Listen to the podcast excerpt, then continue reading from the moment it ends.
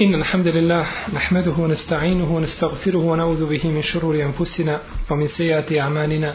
من يهده الله فهو المهتد ومن يضلل فلن تجد له وليا مرشدا. وأشهد أن لا إله إلا الله وحده لا شريك له. وأشهد أن محمدا عبده ونبيه ورسوله وصفيه من خلقه وخليله. أدى الأمانة وبلغ رسالة ونصح الأمة وكشف الله تعالى به الغمة وجاهد في الله حق جهاده حتى يتاه اليقين. يا أيها الذين آمنوا اتقوا الله حق تقاته ولا تموتن إلا وأنتم مسلمون. يا أيها الناس اتقوا ربكم الذي خلقكم من نفس واحدة وخلق منها زوجها وبث منهما رجالا كثيرا ونساء واتقوا الله الذي تساءلون به والأرحام. إن الله كان عليكم رقيبا. يا أيها الذين آمنوا اتقوا الله وقولوا قولا سديدا. يصلح لكم أعمالكم ويغفر لكم ذنوبكم.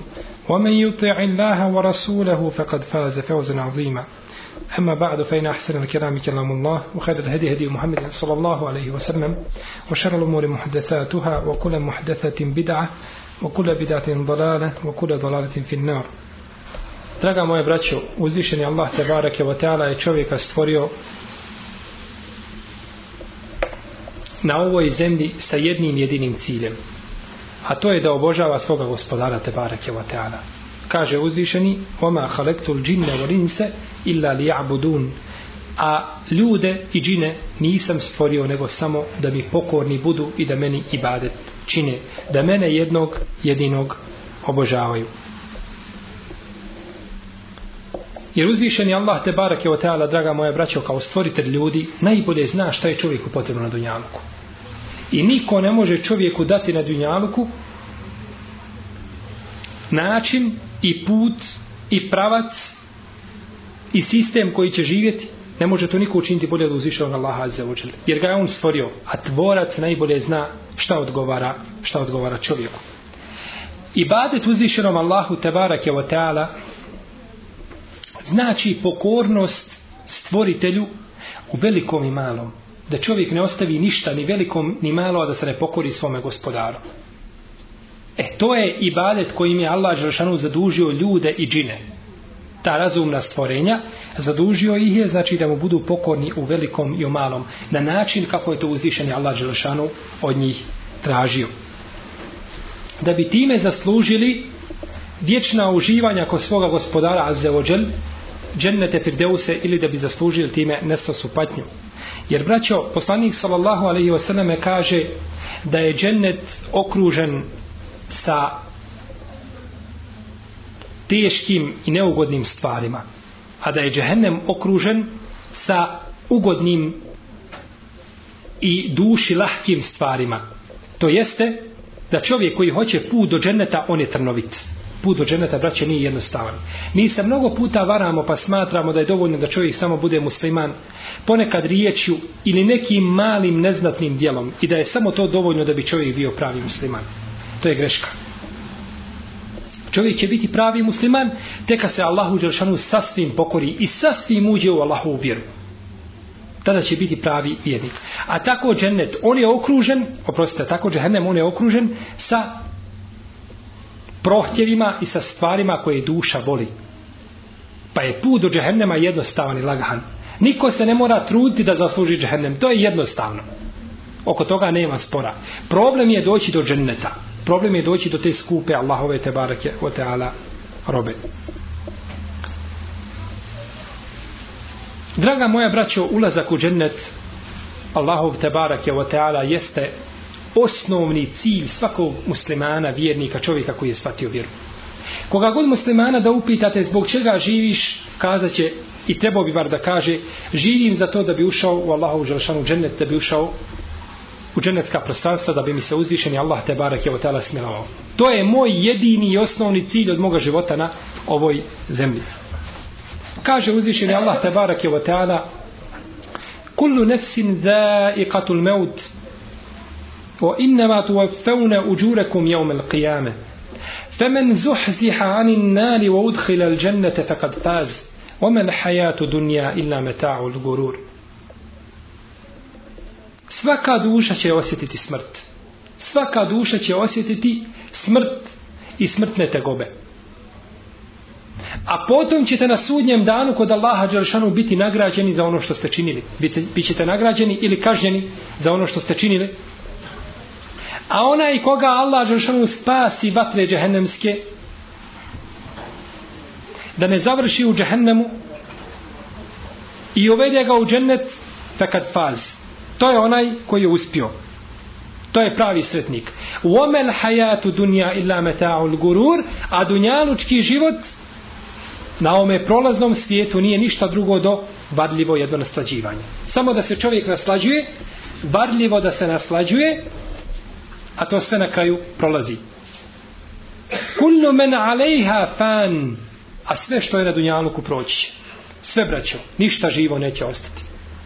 I svi su ljudi svjesni da će proći kroz ovaj dunjaluk i da će umrijeti, da ne mogu nikako vječno ostati.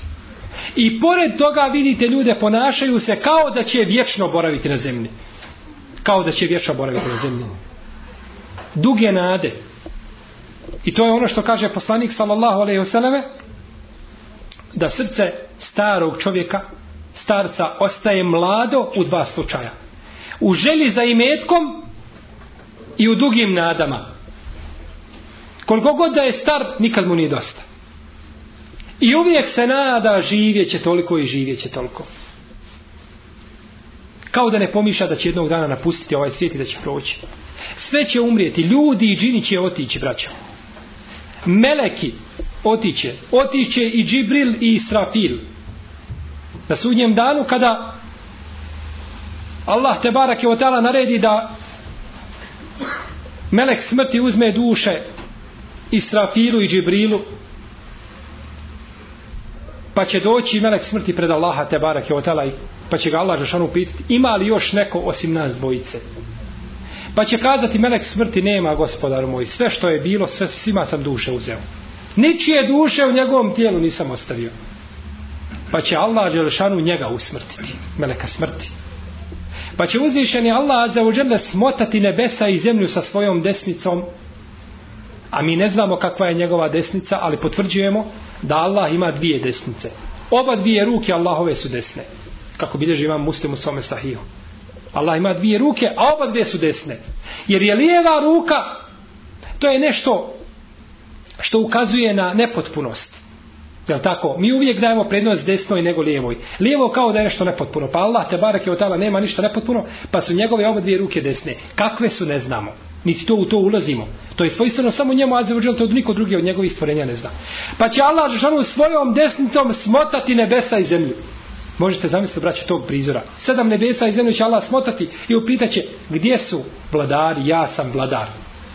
Gdje su svi oni nepravednici i silnici i oholnici i zlo, zulomčari i zločinci koji se na zemlji oholili i koji su nepravdu i nered cijeli? Gdje su oni danas?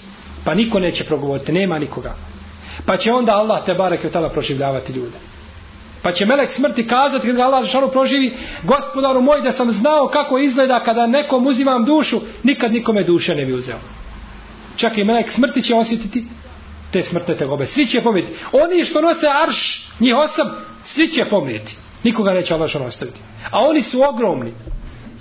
Kaže Ibn Abbas, u jednoj predaji, za koju Ibn Kesir kaže da je dobra, da ptica leti od ovoga mehkog dijela uha donjeg dijela uha, znači gdje žene nakit stavljaju, do ramena, da tu ptica leti 500 godina ne može taj dio preći. 500 godina leti ptica, ali ne može taj dio preći. Njiho, šta mislite kolika sto stvorenja Allahova varžaša? Ali oni će pomrijeti. Neće niko ostati. Samo će uzvišeni Allah te barak je otala ostati i lice vašeg plemenitog gospodara a za A potom će ljudi ulaziti ili u džennet ili u džehennem. Ulaziti u džennet Allahov te barake o teala za koga je poslanik sallallahu alaihi wasallam rekao Meudiju seltin fil dženneti hajrun mine dunja o fiha. Mjesto koje zauzima jedan bić u džennetu je bolje nego cijeli dunjaluk i ono što je na dunjaluku. Odnosno, taj prostor koji zauzima jedan bić je vrijednije od cijelog dunjaluka, sve što možete pregledati očima svojim i sve ono što je u zemlji od tog dunjaluka zlato, srebro, nafta, nabrajajte, ne smeta, samo to mjesto u dženetu je vrijednije. Ne samo to, U drugoj predaji braćo stoji da je mjesto gdje se strela kada se zabode, to mjesto gdje je zabodera strela, možda kao jedan dinar, kaže poslanik da je to mjesto bolje nego cijeli dunjaluk i ono što je na dunjaluku. To je džennet. Pa braćo, onda valja se čovjeku potruditi za, za džennet. Ovdje na dunjaluku čovjek nikada ne može za cijeli dunjaluk da bude njegov. To je nemoguće. To nije nimo ni karun. Kome je Allah Žešanu dao od imetka da su njegove ključeve, ri, jedna skupina ljudi morala je nositi ključeve njegovih riznica. Kaže Allah Đeršanu, inne karune kjane min qavmi Musa fe bega alejhim. وآتيناه من الكنوز ما إن مفاتحه لتنوء بالأسفة وللقوة إذ قال له قومه لا تفرح إن الله لا يحب الفرحين قارون je bio jedan od Musavog naroda. Allah mu je dao toliko imetka, kaže, te barake od teala, da je ključeve njegovih riznica morala nositi jedna skupina jakih ljudi. Kada mu je njegov narod rekao nemoj se radovati. Allah ne voli one koji se raduju. Allah ne voli one koji se raduju dunjaluku samo i dunjaluku zgrću. Već vole oni koji imaju dunjaluk u svojim rukama, a nemaju ga u svojim srcima. Pa ga je Allah Žršanu fahasefna bihi obidarihil ard. Pa ga je Allah Žršanu pomeo sa zemlje i dao da ga zemlja proguta. Ne može čovjek nikada imati sav dunjaluk. Koliko god da se trudio. Ali može imati nešto što je vrijednije od toga. A to je mjesto u džennetu koje zauzima jedan bić ili strela kada se zabode. To je vrijednije od dunjala kada što je na dunjalu. A što mislite onda o čovjeku koji u džennetu ima onaj najmanje čovjek koji ima najmanje u džennetu on ima koliko dunjaluk deset puta. Što mislite onda koliko vrijedi taj njegov imetak koliko dunjaluka vrijedi? Površinski. Pogledajte kakva je to milost Allaha te barake od tala da tako nešto podari svojim robovima. Zato, draga moja braćo, moramo biti svjesni da čovjek mora napustiti ovaj svijet. I da mora otići sa ovoga svijeta. Mora, dakle, draga moja braćo, čovjek biti spreman i svjestan da napusti ovaj svijet. Napustit će ga, neće ostati vječno na njemu. A Dunjaluk je, kako kaže poslanik sallallahu alaihi wasallame, kun fi dunja ke enneke garib u e abiru sebil. Budi na dunjaluku kao da si kao da si stranac ili kao da si putnik namjernik. Putnik, prolaznik koji prolazi, tako se osjeća na dunjaluku. Došao se na dunjaluk, odmorit ćeš se na njemu ili provesti jedan vremenski period i nakon toga ćeš ga ponovo napustiti. U jednoj predaji koju bliži imam Tirmizi, imam Ahmedi i Ibn Mađe, dodaje se ome hadisu jako bitan dodatak. A u njemu poslanik sallallahu alejhi ve selleme kaže: "Wa'ud nafsaka min ashabil kubur." I smatraj sebe da si mrtvac. Smatraj sebe da ćeš biti u kaburu, da ti nema pobjeći. Moraš završiti u zemlji. Od nje si postao, u nju se moraš vratiti. Ona je tvoj otac i tvoja majka. U zemlju se valja čovjeku vratiti. Zato su, braćo, naše prve generacije govorile Dunjaluk je kao deva. Ako uzješeš devu, ona će ti koristiti. A ako deva tebe uzješe, slomit će te. Tako i Dunjaluk. Dok čovjek koristi Dunjaluk i drži Dunjaluk po svojim nogama, a ne drži ga u svome srcu, taj će mu Dunjaluk koristiti.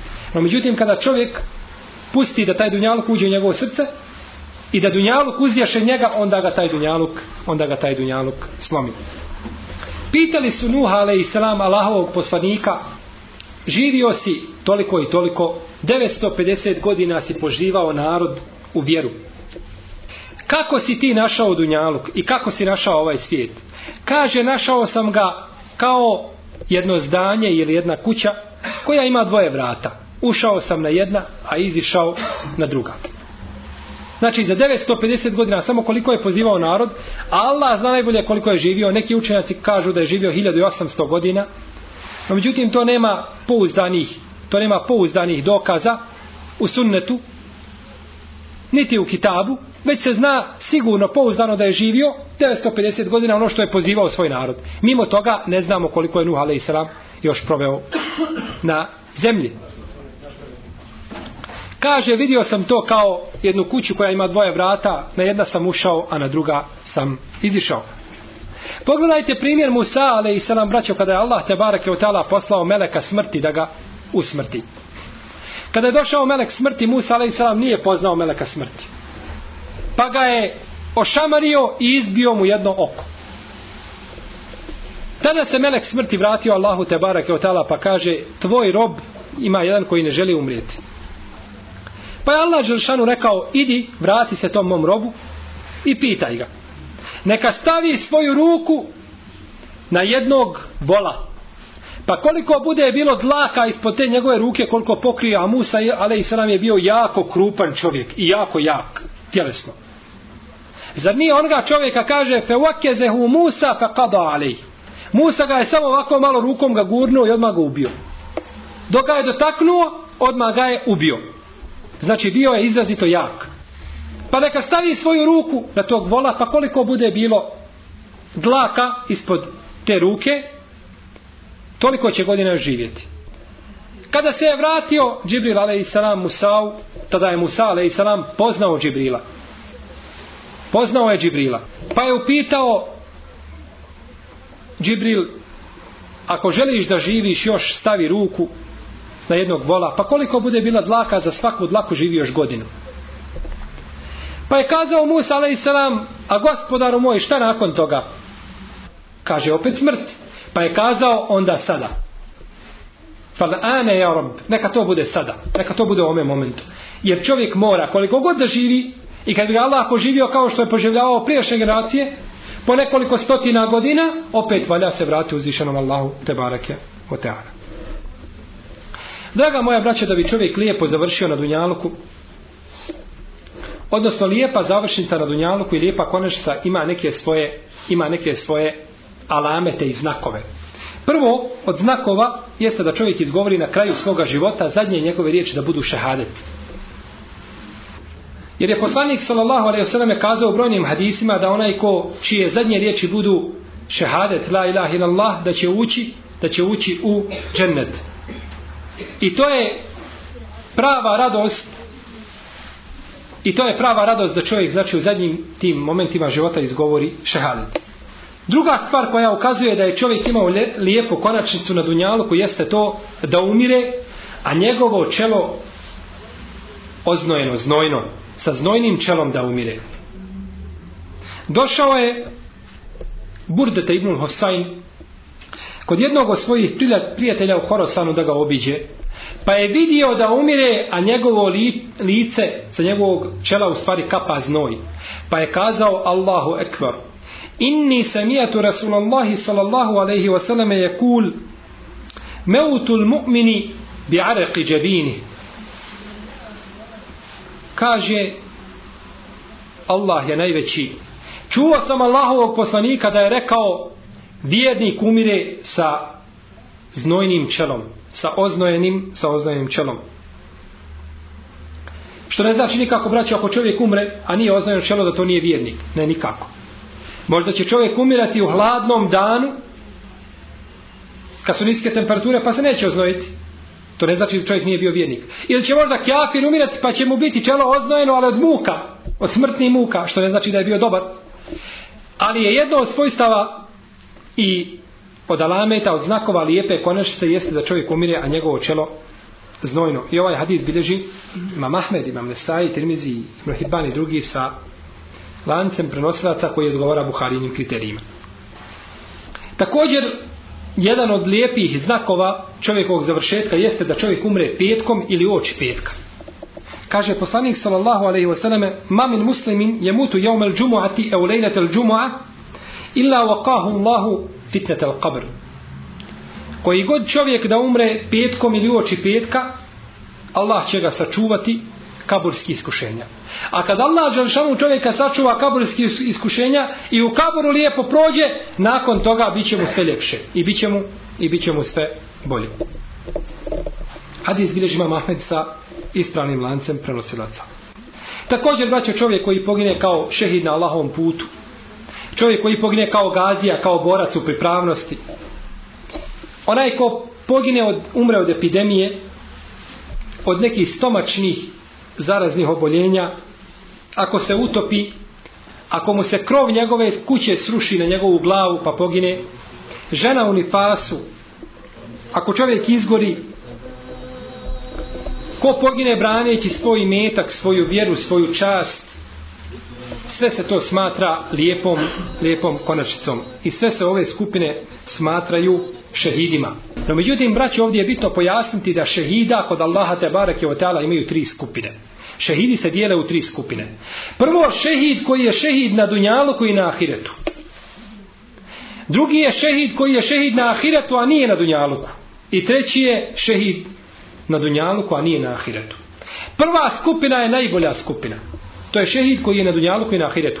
To je onaj koji pogine na bojnom polju, braneći sebe i svoj imetak i braneći din islam i dižući Allahu riječ da ona bude gornja. Da bi Allahov sud i zakon vladao, taj je na Allahov putu. I takav ako pogine, prilazeći neprijatelju ne bježeći. Ako se okrene leđima, više nije šehid. Prilazeći, boreći se napred, ako pogine, takav je šehid na dunjalu i na ahiretu. Takav se ukopava, ne kupa se i sve ono što vrijedi drugo za šehida, sprovodi se za njega. Što vrijedi za šehida koji je šehid na dunjalu i na ahiretu. Drugi šehid je šehid na ahiretu, a nije na dunjalu. To su ove skupine ljudi koje smo spomenuli. To je čovjek koji se utopi, koji izgori u požaru, umre od stomačne bolesti, od epidemije, utopi se, ako mu neprijatelj sruši kuću na njegovu glavu, pa inšala da su naša braća u Palestini kojima ruše cionisti kuće na njihove glave da su oni ako Bog da inšala hotela šehidi. No međutim oni su braćo šehidi na ahire to nisu na dunjaluku.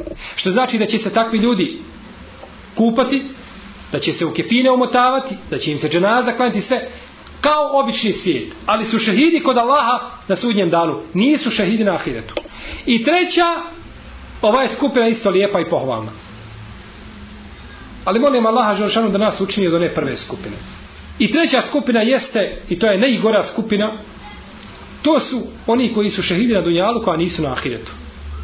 To su munafici. Čovjek izišao da se bori, da bi kazali vješt, hrabar, sposoban i slično tome, bori se, ali se ne bori za Allahovu riječ. On kada pogine na bojnom polju, mi ne znamo šta je u njegovim grudima. Mi ćemo sa njim raditi na dunjalu ono što radimo sa prvom skupinom. Nećemo ga kupati i nećemo ga u kefine umotavati i slično tome, jer mi ne znamo šta je u ljudskim dušama, ali na sudnjem danu kod Allaha Đelšanu ima vatru, ima džehennem. Bileži ima muslim u svome sahihu da je poslanik sallallahu alaihi wasallam jedne prilike bio u bitci pa su ashabi vidjeli jednog čovjeka kako se bori i kako je vješt borac pa su kazali blago mu se džennetska prostranstva će zaslužiti pa kaže poslanik sallallahu alejhi ve selleme to je džehenemlija, to je stanovnik vatre Pogledajte, braćo, kakav je ovo bio prizor za ashabe. Vidje čovjeka bori se sa muslimanima na Allahovom putu i poslanik sallallahu sallam kaže da je on stanovnik vatre, da je on džehennemlija. Pa ashabi nisu mogli da razumiju te riječi. Znaju da je to istina dok je od poslanika sallallahu alaihi wasallame, no međutim ne mogu shvatiti da se čovjek može boriti da je on džehennemlija. Pa su ga počeli ranjavati. Pa su izranjavali njegovo tijelo pa nije mogao izdržati. Pa je stavio oštrat svoje sablje na svoje grudi, potom se naslonio na svoju sablju. Pa je sablja ta izišla između njegovih plečki, na njegovim leđima. Pa je sam sebe ubio. Ovaj hadis jasno ukazuje da je Allahov poslanik sallallahu alejhi ve selleme poslan od svoga gospodara i da dobiva objavu. Jer ovo niko nije mogao znati da uzvišen je Allah zađer. Niko živ. Čak ni taj čovjek koji to uradio nije mogao znati da će to uraditi. Jer on nije znao da će garanti pa da neće izdržati. U ranama vidjeti se sam ubiti. Pa je skončao u džehennemu. E to je ova treća skupina. Slični takvi ulaze u tu skupinu. On je poginuo na bojnom polju. Osim ako se sam ubije, to je opet drugi propis. Međutim, čovjek pogine na bojnom polju, ali u svome srcu nije imao nije da pomogne islam, nego imao nije svoje ovaj svoje neke lične interese zadovolji i tako dalje, takav čovjek biva biva šehid na dunjaluku, a nije na nije na ahiretu. Zato, draga moja braćo, svako od nas treba razmisli o sebi i o svojim dijelima i onome što čini, šta radi. Je li od nas, braćo, svako spreman da sretne Allaha Đelešanu sa onim što čini? Kada je sada neko kazao nama ovdje i pojedinačno svakog upitao jesi li spreman sada da umreš na dijelima koja činiš. Ne znam da ima čovjek razuman da bi kazao jesam. Znači nisi spreman da sretneš Allah Đelšanu s time što činiš. Pa šta te spriječava onda da učiniš više? Šta te spriječava da budeš još žešći borac za Allahovu vjeru? Da još više radiš? Da još više ibadeta činiš, da si još više pokorniji, da još više u ime Allaha daješ, daješ da još više za Allahovu vjeru činiš. Šta te spriječava? Ako nisi spreman da sretneš Allaha, pa čini ono čime ćeš biti sretan da sretneš svoga gospodara i da budeš zadovoljan njegovom nagradom, a on prije toga zadovoljan tvojim dijelima. Potom, draga moja braćo, kada uzvišeni Allah te barake o teala proživi ljude, Dvije su skupine, nema treće. Ili u džennet ili u džahennem. Kaže uzvišeni Allah tabarake o ta'ala فَأَمَّا مَنْ أُوتِيَ كِتَابَهُ بِيَمِينِهِ فَسَوْفَ, فسوف يُحَاسَبُ حِسَابًا يَسِيرًا وَيَنْقَلِبُ إِلَى أَهْلِهِ مَسْرُورًا A onaj kome Allah Želešanu da knjigu u njegovu desnicu, takav će lahko položiti račun. Biće mu polaganje računa jednostavno. Brzo će položiti račun. I brzo će samo vjernik položiti račun. Ujen kalibu ila ehlihi mesrura i takav će se svoje porodici sretan vratiti. To jeste spojit će se sa svojom porodicom u džennetu i bit će sretan i zadovoljan. Kaže poslanik sallallahu alaihi wa sallam u jednom hadisu koga prenosi imam Buharija od Aisha da je poslanik rekao men nuqiše uzib onaj koga Allah Žešanu bude obračunavao taj će biti kažnjavan taj će biti kažnjen neće se izvući. Pa kaže Aisha radijallahu ta'ala anha a ona je bila majka vjednika izuzetno pameta inteligenta. Kaže o Allahu poslaniče zar nećemo svi polagati račun? Zar nećemo svi odgovarati? Pa je kazala Allahu poslaniče zar nećemo svi odgovarati? Kaže jeste, ali ovo se odnosi isključivo na one kojima Allah Đelešanu bude otežao njihovo polaganje računa i budu pitani za svaku sitnicu. Znači neće čovjek moći polagati račun pa da kaže da odgovori za jednu stvar koju je činio onako globalno, nego će biti pitan za svaku sitnicu. E to kome Allah Đelšanu bude tražio od njega, da odgovori za svaki detalj svoga života, za svaki fils i za svaki dirhem koji je imao i gdje ga je potrošio i u šta ga je dao, takav će teško položiti račun. Jer zamislite, draga moja braća, kako da čovjek odgovori za sve ono što ima u životu. No međutim, vjerniku će to biti jednostavno. Jer će Allah Žešanu njemu progledati, što mi kažemo progledati kroz prste, i učinit će mu polaganje računa jednostavnim. Kada dženetlije braće uđu u džennet, a džehennem je u džehennem, Allah te barake od će doći sa smrću u obliku jednog ugojenog jagnjeta. Pa će se ta smrt preklati. Pa će se kazati stanovnicima dženneta Ja ehle dženneti huludun wala meut. Wa ja ehle nar huludun wala meut. O stanovnici dženneta vječnosti nema smrti. O stanovnici džehennema vječnosti nema smrti. Svako u onome u čemu je vječno stanovnici vatre u vatri a dženetlije a dženetlije u džennetu pripremio je uzvišeni Allah te barak je o teala draga moja braća svojim robovima u džennetu ono što oko nije vidjelo niti uho čulo niti može da padne na razum čovjeku nikada čovjek ne može pomisliti dobrote i ljepote koje su mu pripremljene koje je Allah Žešanu pripremio ahiretski stepeni života od kabura pa nadalje se razlikuje braća od našeg života. Mi ne znamo kako je u kaburu. Mi ne znamo kako je u kaburu. Kao što embrion u maternici majčinoj ne zna kako je živjeti na Dunjaluku i ne zna kakav je to svijet Dunjalučki, tako mi ne znamo kakav je ahiretski svijet. Kakav je u kaburu svijet, kakav je život tamo, kakav je život na danu mahšera kada Allah šanu proživi ljude i ne znamo kakav je život u džennetu i u džehennemu. Ne možemo to shvatiti.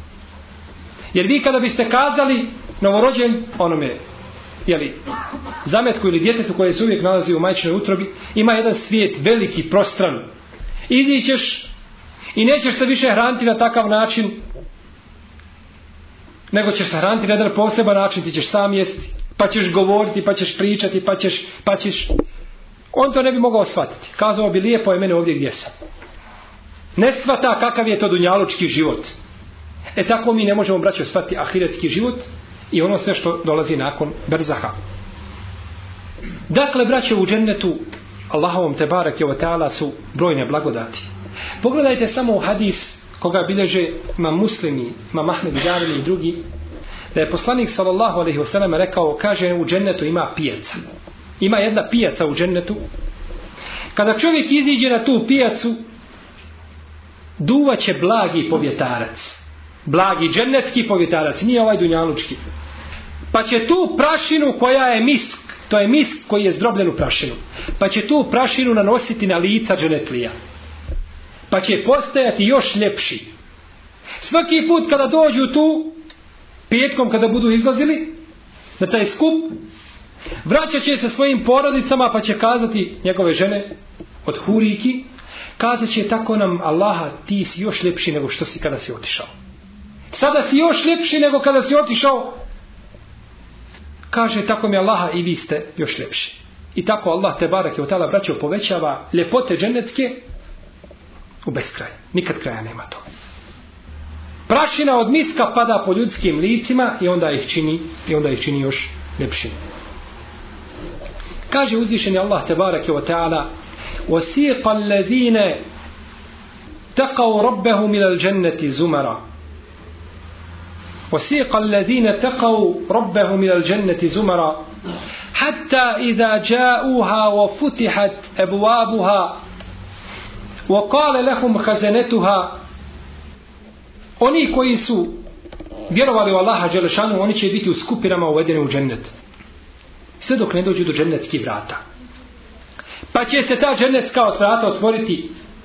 وقال لهم خزنتها سلام عليكم طبتم fedhuluha halidin. Reći će ti stražari džennetski od meleka Selamun alejkum, neka je mir i spas na vas. Tibtum, očistili ste se, lijepa ste djela činili. Fedhuluha halidin. Uđite u džennetska prostranstva vječno. Vječno u njima boravite. وقالوا الحمد لله الذي صدقنا وعده وأورثنا الأرض نتبوأ من الجنة حيث نشاء فنعم أجر العاملين Kažu hvala Allahu Đelešanu koji nas je uveo u džennetska prostranstva i u džennete na tu zemlju da radimo i da se krećemo po džennetskim prostranstvima kuda želimo. A divna je to nagrada za one koji dobra djela čine. Kazao je poslanik sallallahu alaihi wasallam braćo da u džennetu imaju odaje da se njihova spoljašnjost vidi iz njihove unutrašnjosti, a unutrašnjost iz spoljašnjosti. Da je Allah Đelešanu pripremio onima koji hrane uboge i siromašne i koji lijepo postupaju i blago govore, lijepo se ophode sa svojom braćom muslimanima i poste dobrovoljni post nakon propisanog, a to je post, jedan od toga posta jeste braćo i post šest dana ševala u kojima se nalazimo, da čovjek posti šest dana u ševalu bilo kada, ali da posti šest dana u ševalu nakon Ramazana i da klanja noćni namaz dok ljudi spavaju. Dok svi su ljudi u nemaru i gafletu dok spavaju, on će tada Allahu Đelešanu učiniti ibadet. A najveća braćo nagrada, najveća blagodat čovjeka u džennetu jeste da gleda u lice uzvišenog Allaha te barake od To je najveća blagodat koju će vjernici dobiti. Kaže Allah te barake wa ta'ala "Wujuhun yawma idhin nadire ila rabbiha nadire. Neka lica toga dana biće sretna, blistava i zadovoljna u svoga će gospodara gledati. I a kaj dehlu sunneta wal džemata jeste da će ljudi vidjeti da će ljudi vidjeti Allaha želšana sudnjem danu. I o tome postoje mutevatir hadisi u prvom redu kod Buharije i kod, i kod muslima. U jednoj se predaj navodi, koji bliži ima muslim, da će uzvišeni Allah Želešanu kazati kada dženetlije uđu u džennet, kaže želite li još nešto? Želite li od mene još nešto? Pa će kazati gospodaru naš zar nam nisi dao sve? Grijeh, grijehe si nam naše oprostio preko naših rđavih postupaka si prešao. U dženetka nas prostranstva uveo sačuvao nas vatre džehennemske šta još možemo poželjeti? Pa će uzvišeni Allah te barake o ta'ala skloniti hijab i zastor koji je između njega i njegovih robova. Pa će gledati u lice svoga gospodara. I to je najveća nagrada koja može biti vjerniku da gleda u lice plemenitog gospodara. Čak veća nego boravak u džennetu. Jer je Allah želšanu ljepši nego džennet.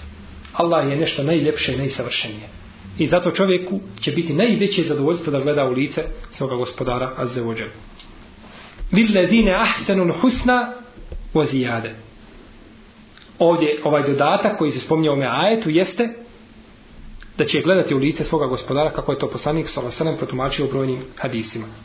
U drugoj se predaj navodi da će Allah Žešanu kazati ljudima želite li još nešto? Ima li još nešto da želite pa će kazati gospodar naš šta bismo mi to još mogli poželjeti? Sve si nam dao. Pa će kazati Allah te barak je od tada daću vam nešto što je najbolje. Daću vam nešto što je bolje od onoga što ste dobili. A to je da se nikada više neću, bit ću sama zadovoljan i nikada se više neću na vas resrditi. Jer čovjek koliko god da bio na dunjaluku, koliko god da Allah ono bio zadovoljan sa njim, može učiniti djela da se Allah naljuti na njega i da svoju srđbu i svoj gnjev i svoju kaznu spusti na toga roba. To je na dunjaluku moguće. Ali kad uđe u džennet, Allah Žešanu će tada biti zadovoljan s tim robovima i nikada se više neće moći da srditi. Gotovo, završeno. Znači siguran mir kod uzvišenog Allaha te barake o teala. Dakle, draga moja braćo, kada čovjek pogleda ono što je uzvišeni Allah Žešanu pripremio njemu od nagrada i kada pogleda s druge strane šta on treba samo da učini, kakve sitnice treba da učini da dođe do ovih nagrada, u istinu onda bit će pravi nesretnik onaj koji ne zasluži Allahu dželšanu milost i njegov rahmet i ne završi u džennetskim, u džennetskim prostranstvima. Mi ćemo uz Allahu te barake u tala pomoć nastaviti govoriti o ovoj temi, odnosno o putu ka Allahu Đelešanu u našem narodnom predavanju koje smo već nagovijestili. Molim Allaha te barake u tala da nas učvrsti na istini, da nas pouči kitabu i sunnetu, da nas učini u istrajnim u ibadetu, uzvišenom Allahu te barake wa ta'ala, da pomogne islami muslimane i da pomogne muđahide i džihad i da izdigne svoju riječ iznad riječi nevjernika. Wa sallallahu ala nabina Muhammed wa ala alihi wa ashabi ajma'in.